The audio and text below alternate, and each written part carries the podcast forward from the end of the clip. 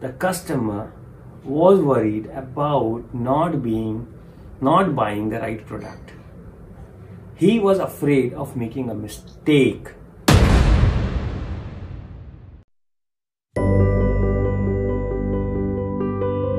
Friends this is money business and finance and i am Sawan Kumar continuing our talk about sales.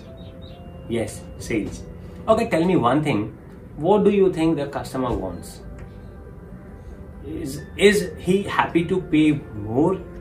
Or he is what is he more worried about i would let me reframe the question. What is he more worried about? About ending up paying you more or ending up buying a wrong product? Ending up making a mistake? What do you think is he more concerned about? Is he more concerned about paying you more money or buying a wrong product? You have the answer is more concerned about buying the wrong product. That is how most of the customers are. That is why that is why most of the sales or most of the salesmen do not get a sales closed. They do not understand this.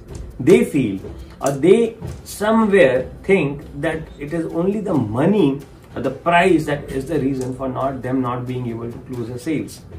But most of the times it is the other thing the customer was worried about not being not buying the right product. He was afraid of making a mistake.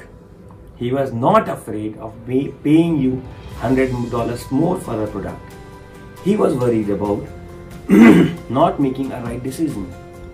That is what most of the customers when they go out to buy something they go out to shop for something this is one thing that they are really worried about if you can take care of this one problem that they have in their life they will be willing to pay you more if they become confident that this is the best product that they can buy or they can have.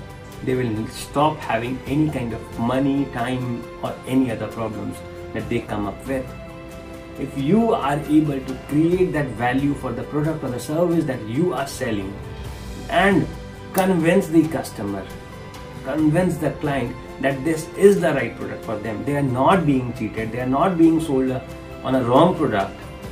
If you are able to do that price will never ever be a problem again. And most of us what do we see to say to ourselves?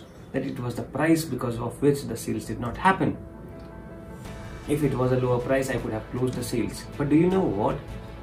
Most of the times when you lower the price the sales does not happen if you have a record of your previous sales that did not happen go back and see how many times you have tried offering them a lower price but the customer still did not buy it.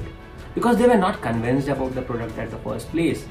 Even if you offered them a 20% 30% or a 40% discount they were not convinced about your product. And when they were not convinced about the product that you are selling even if you are selling it for a 40% discount it does not create enough value for them to buy it it pays even 60% to, for the product they do not find that value in the product. So, whenever you are out to make a sales, understand that it is the mistake that the customer is more afraid of and not the price. You have to take care of the mistake part, not the price part. The customer will take care of the price part. If he really thinks that the product can solve his problem, he will go in debt. He will buy it in EMI, he will go to the bank, he will do all that he can to buy that product, but he will buy it.